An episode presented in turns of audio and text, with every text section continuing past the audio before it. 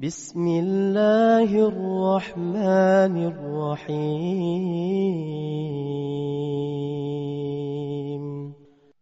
إن الحمد لله نحمده ونستعينه ونستغفره ونعوذ بالله من شرور أنفسنا وسيئات أعمالنا.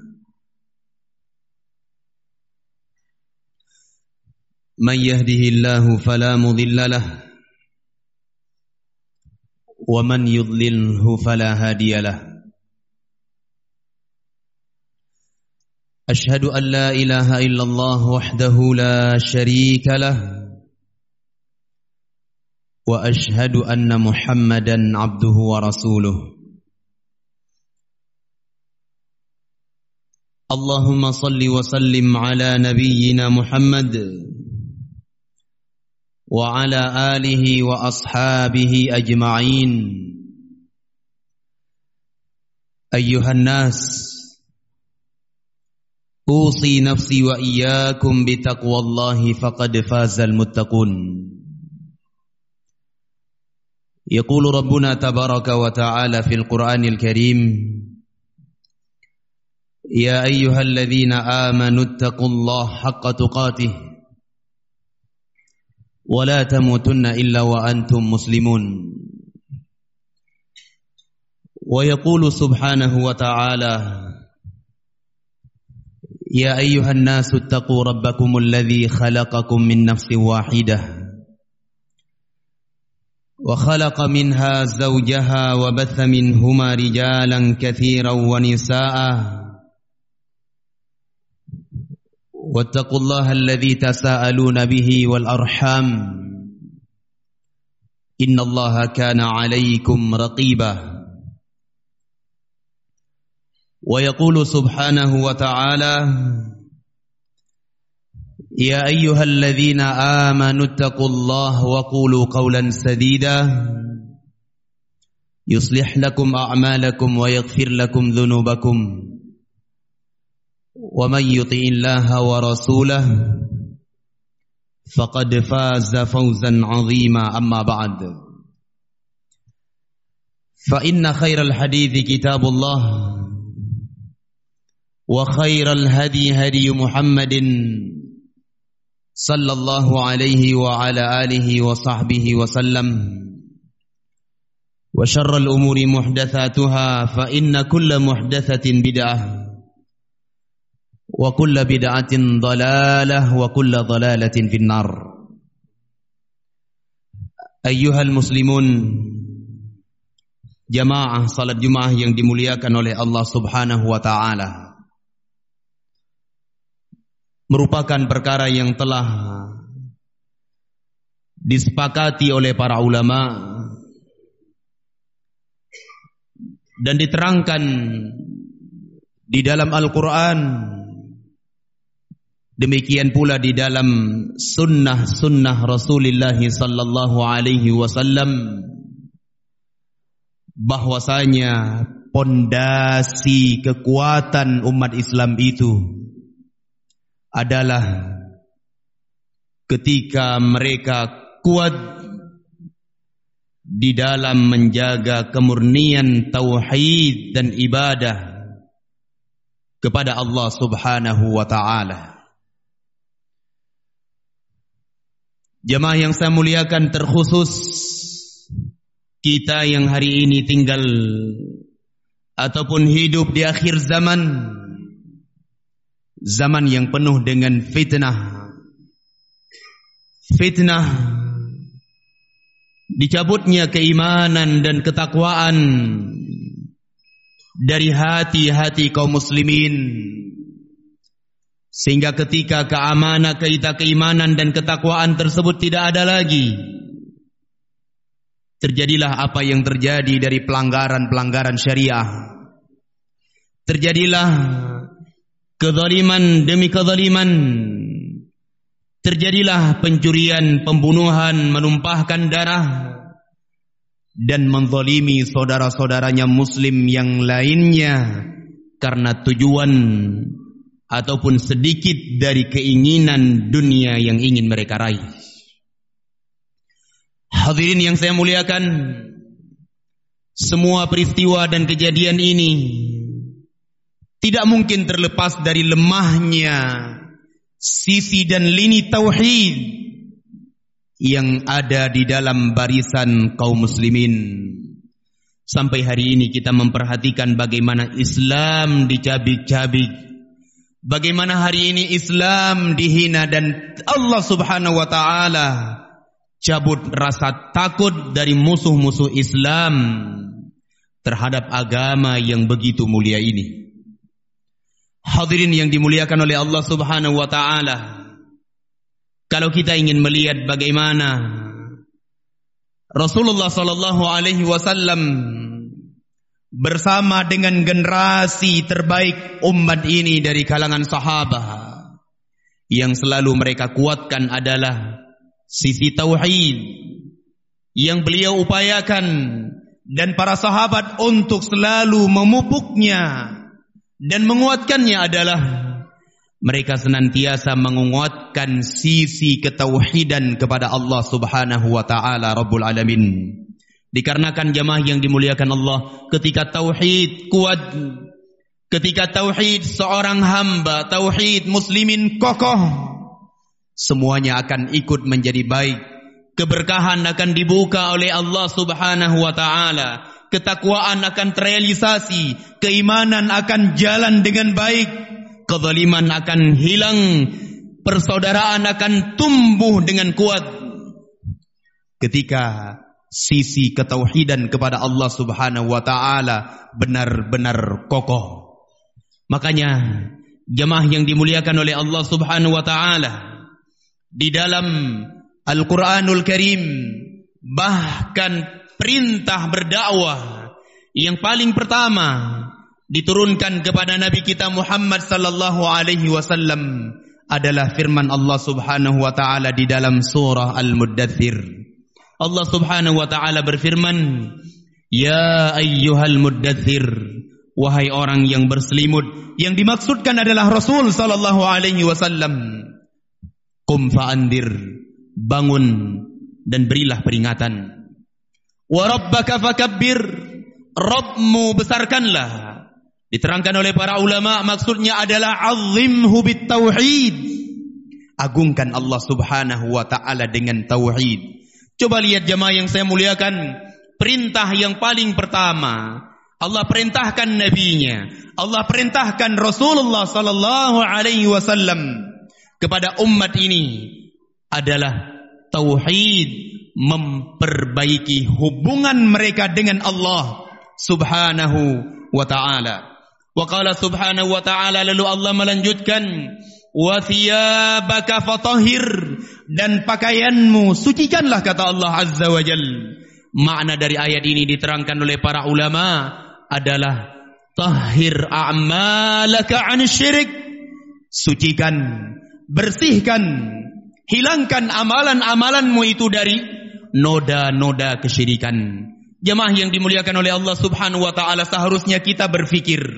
Seharusnya kita sedikit merenungkan jemaah yang dimuliakan Allah. Kenapa Allah Subhanahu wa taala memulai perintah kepada Nabi sallallahu alaihi wasallam dengan perintah tauhid? Dikarenakan tauhid itu adalah sumber segala kebaikan jemaah yang dimuliakan oleh Allah Subhanahu wa taala. Tauhid adalah pondasi kekuatan umat Islam. Tauhid adalah pondasi persaudaraan yang ada di tengah-tengah muslimin. Tauhid adalah sebab Allah Subhanahu wa taala membuka pintu keberkahan di negeri yang kita cintai ini. Jamaah yang dimuliakan oleh Allah Subhanahu wa taala. Kita melihat ke belakangnya lagi bagaimana dakwah para nabi yang Allah Subhanahu wa taala perintahkan mereka untuk menyampaikannya. Allah Subhanahu wa taala perintahkan kepada Nabi Saleh. Allah Subhanahu wa taala perintahkan kepada Nabi Ibrahim. Allah perintahkan kepada Nabi Musa alaihi salatu wassalam. Tidak ada yang paling pondasi diperintahkan kecuali adalah ketauhidan kepada Allah Subhanahu wa taala. Bahkan misi dakwah para nabi dan para rasul seluruhnya adalah tauhid. Yang paling pondasi adalah ketauhidan kepada Allah Subhanahu wa taala. Allah tabaraka wa taala berfirman di dalam Al-Qur'anul Karim, "Wa laqad ba'atsna fi kulli ummatin rasula an ya'budullaha wajtanibut taghut." Kata Allah Subhanahu wa taala, sungguh aku telah mengutus untuk setiap umat seorang rasul. Setiap umat diutus oleh Allah Subhanahu wa taala para rasul mereka. Tujuannya apa? Tujuannya adalah an ya'budullaha wajtanibut taghut. Supaya mereka mentauhidkan Allah Subhanahu wa taala dan menjauhi peribadatan kepada at-taghut. Coba lihat jemaah yang dimuliakan oleh Allah. Coba kita renungkan sejenak kita kembali kepada dasar yang ada di dalam Al-Quranul Karim. Kita kembali kepada dasar para nabi dan para rasul seluruhnya. Ternyata mereka memperbaiki diri-diri mereka dan keadaan umat ini dengan memperbaiki sisi ketauhidan kepada Allah Subhanahu wa taala Rabbul Alamin. Coba lihat hari ini jemaah yang dimuliakan oleh Allah Subhanahu wa taala ketika tauhid hilang dari jiwa seorang hamba, apa yang terjadi? Begitu mudahnya dia menzalimi saudaranya muslim. Begitu gampang dia membakar hutan jemaah yang dimuliakan oleh Allah. Dalam rangka untuk meraih sedikit dari kehidupan dunianya. Dia tidak peduli apakah ada orang yang akan dirugikan dengan perkara-perkara yang seperti itu. Coba lihat lagi jemaah yang dimuliakan oleh Allah. Ketika sisi tauhid tidak ada. Seorang hamba akan hilang akan hilang rasa takut kepada Allah Subhanahu wa taala. Ia tidak pernah merasa diawasi oleh Allah Subhanahu wa taala Rabbul Alamin. Padahal Allah Subhanahu wa taala berfirman, "Ya'lamu kha'inatal a'yun wa ma tukhfis sudur." Allah tahu mata yang berkhianat dan apa yang tersembunyi di dalam dada-dada manusia. Inna rabbaka labil mirsad. Allah berfirman sesungguhnya Rabbmu Allah tabaraka wa ta'ala. Memiliki pengawasan yang begitu ketat. Hadirin jemaah yang dimuliakan oleh Allah subhanahu wa ta'ala. Kenapa? Di zaman generasi awal umat Islam. Islam berada pada puncak kejayaan. Islam berada pada puncak keberkahan dan kenikmatan. Tidak ada jawaban yang lain jemaah yang dimuliakan oleh Allah melainkan tauhid yang begitu kokoh dan mendalam di dalam dada-dada mereka. Inilah yang dikerjakan oleh Nabi sallallahu alaihi wasallam. Inilah yang diperjuangkan oleh Rasulullah sallallahu alaihi wa ala alihi wa sahbihi wasallam. Jemaah yang saya muliakan, Allah Subhanahu wa taala berfirman di dalam Al-Qur'anul Karim, Ayat ini mengingatkan kita jemaah yang dimuliakan oleh Allah. Ayat ini akan menegur kita jemaah yang dimuliakan oleh Allah. Allah berfirman, kata Allah Subhanahu wa taala, wa'adallahu alladhina amanu minkum wa amilus salihat. Allah Subhanahu wa taala berjanji kepada orang-orang yang beriman di antara kalian dan orang-orang yang beramal saleh. Allah subhanahu wa ta'ala tidak akan pernah, tidak akan pernah mengingkari janjinya. Allah subhanahu wa ta'ala mengatakan, La yastakhlifannahum fil ard. Allah akan jadikan kalian itu sebagai penguasa di muka bumi ini. Kama stakhlafal ladhina min qablihim. Sebagaimana Allah subhanahu wa ta'ala telah jadikan orang-orang sebelum mereka tersebut penguasa di muka bumi. Ini janji Allah Subhanahu wa taala yang pertama. Yang kedua kata Allah Subhanahu wa taala, "Wala yumakkinanna lahum dinahum alladhi irtadalahum." Allah akan kokohkan mereka di atas sebuah agama yang Allah Subhanahu wa taala telah ridhai kepada mereka. Yang ketiga adalah wala yubaddilannahum min ba'di khaufihim amna. Allah akan gantikan rasa takut dengan rasa aman, tentram, keamanan diwujudkan oleh Allah Subhanahu wa taala Kapan kita akan mendapatkan itu jemaah yang dimuliakan oleh Allah Subhanahu wa taala? Allah Subhanahu wa taala mengatakan, "Ya'budunani la yusyriku nabi syai'ah." Ketika umat Islam, ketika kaum muslimin mereka hanya beribadah kepada Allah Subhanahu wa taala saja dan tidak menyekutukan Allah Subhanahu wa taala dengan sesuatu apapun. Inilah tauhid jemaah yang dimuliakan oleh Allah.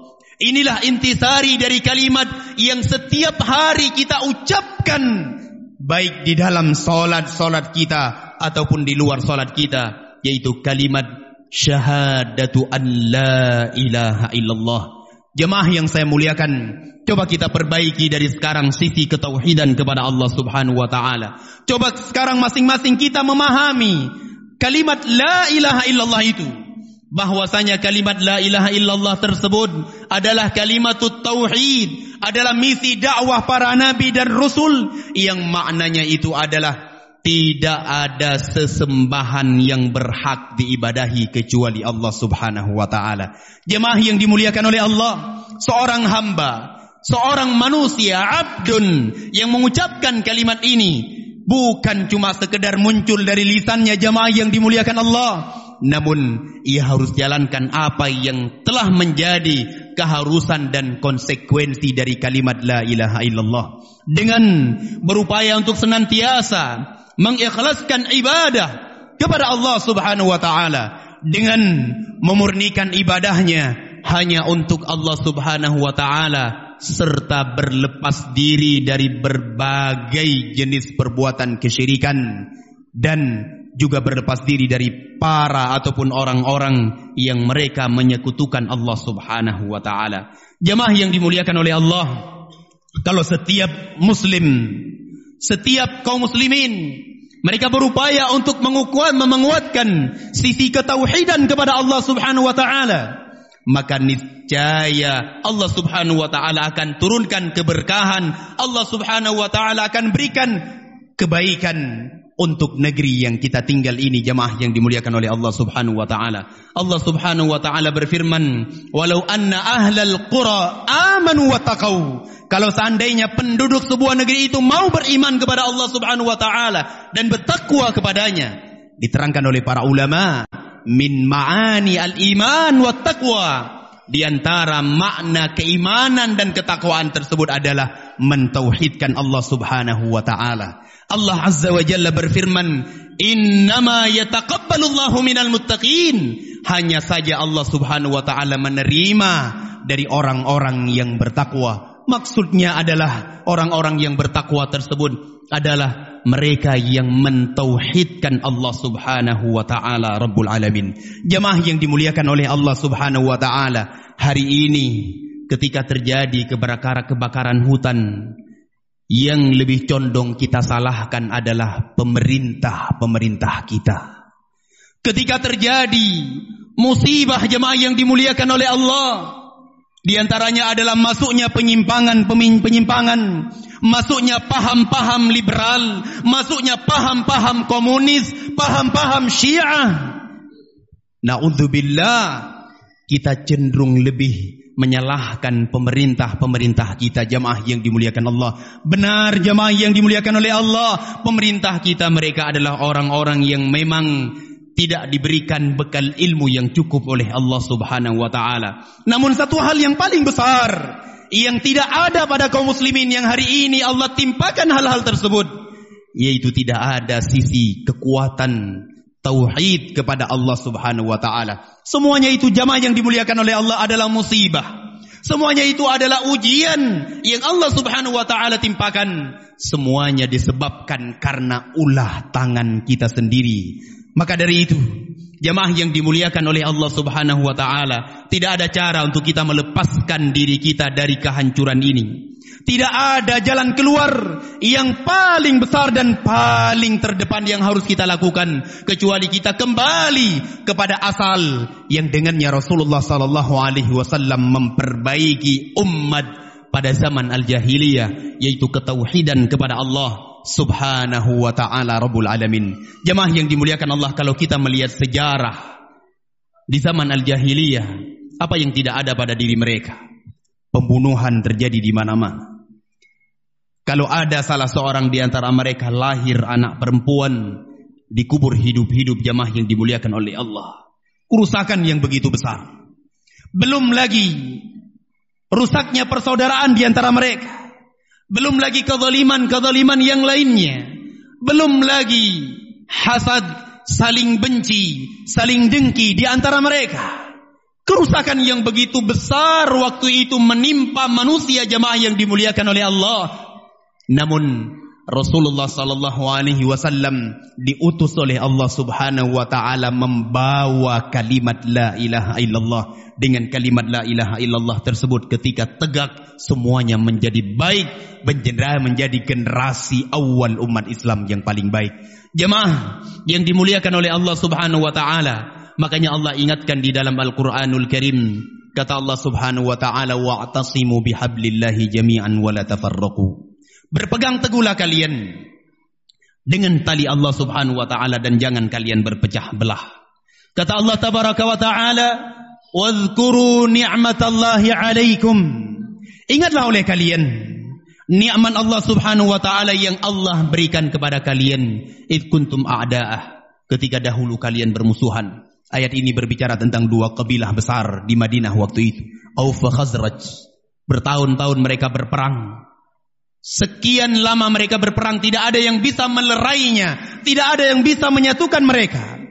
Sampai datang Rasulullah sallallahu alaihi wasallam berhijrah ke Madinah membawa kalimat la ilaha illallah, membawa tauhid. Dengan seketika mereka menjadi bersatu di atas agama yang dicintai oleh Allah Subhanahu wa taala. Jemaah yang dimuliakan oleh Allah Subhanahu wa taala, kalau kita ingin memperbaiki diri kita, keluarga kita, negeri yang kita cintai ini. Hendaknya kita memperbaiki dengan apa yang telah memperbaiki generasi awal umat Islam dari kalangan sahabat, tabi'in dan adba'ut tabi'in. Disebutkan oleh Al-Imam Malik Ibnu Anas rahimahullahu taala, beliau mengatakan la yasluhu amru hadhihi al-ummah, tidak akan terperbaiki, tidak akan menjadi baik urusan umat ini. Kerusakan yang terjadi di tengah umat ini. Illa bima saluhat bihi awwaluha. Kecuali dengan apa yang telah memperbaiki generasi awal umat Islam. Apakah itu tauhid kepada Allah azza wajal apakah itu berittiba kembali kepada Al-Quran dan sunnah Rasulullah sallallahu alaihi wasallam. Bagaimana keadaan kita mau baik jemaah yang dimuliakan Allah? Masing-masing dari kita punya cara tersendiri untuk memperbaiki keadaan diri kita, rumah tangga kita dan negeri kita ini. Coba kalau kita kembali bagaimana Rasulullah sallallahu alaihi wasallam memperbaikinya, niscaya kita akan mendapatkan kebaikan dan akan dibukakan pintu keberkahan oleh Allah Subhanahu wa taala Rabbul alamin. Barakallahu li wa lakum bil Qur'anil azim wa nafa'ani wa iyyakum bima fihi minal ayati wadh-dhikril hakim wa taqabbala minni wa minkum tilawatahu innahu huwas samiul alim.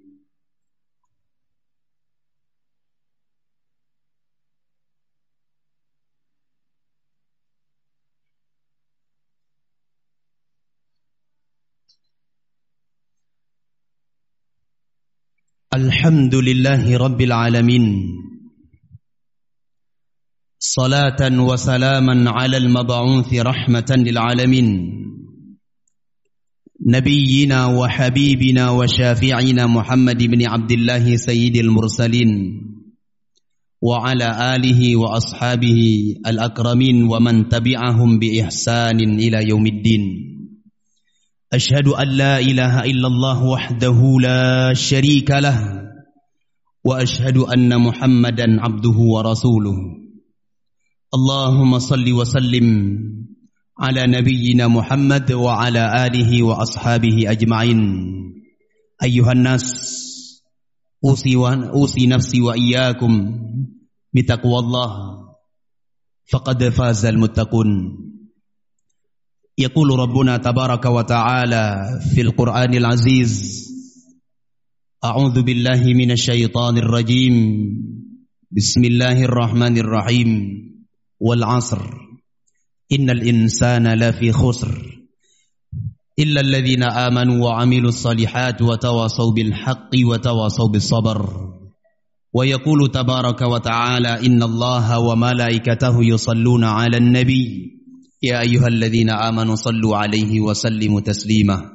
اللهم اغفر للمسلمين والمسلمات والمؤمنين والمؤمنات الأحياء منهم والأموات.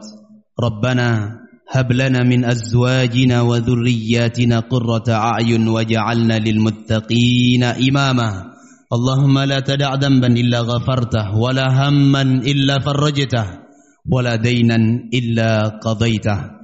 ربنا تقبل منا إنك أنت السميع العليم وتب علينا إنك أنت التواب الرحيم. ربنا آتنا في الدنيا حسنة وفي الآخرة حسنة وقنا عذاب النار. وصلى الله على نبينا محمد وعلى آله وأصحابه أجمعين. وآخر دعوانا عن الحمد لله رب العالمين. أقم الصلاة.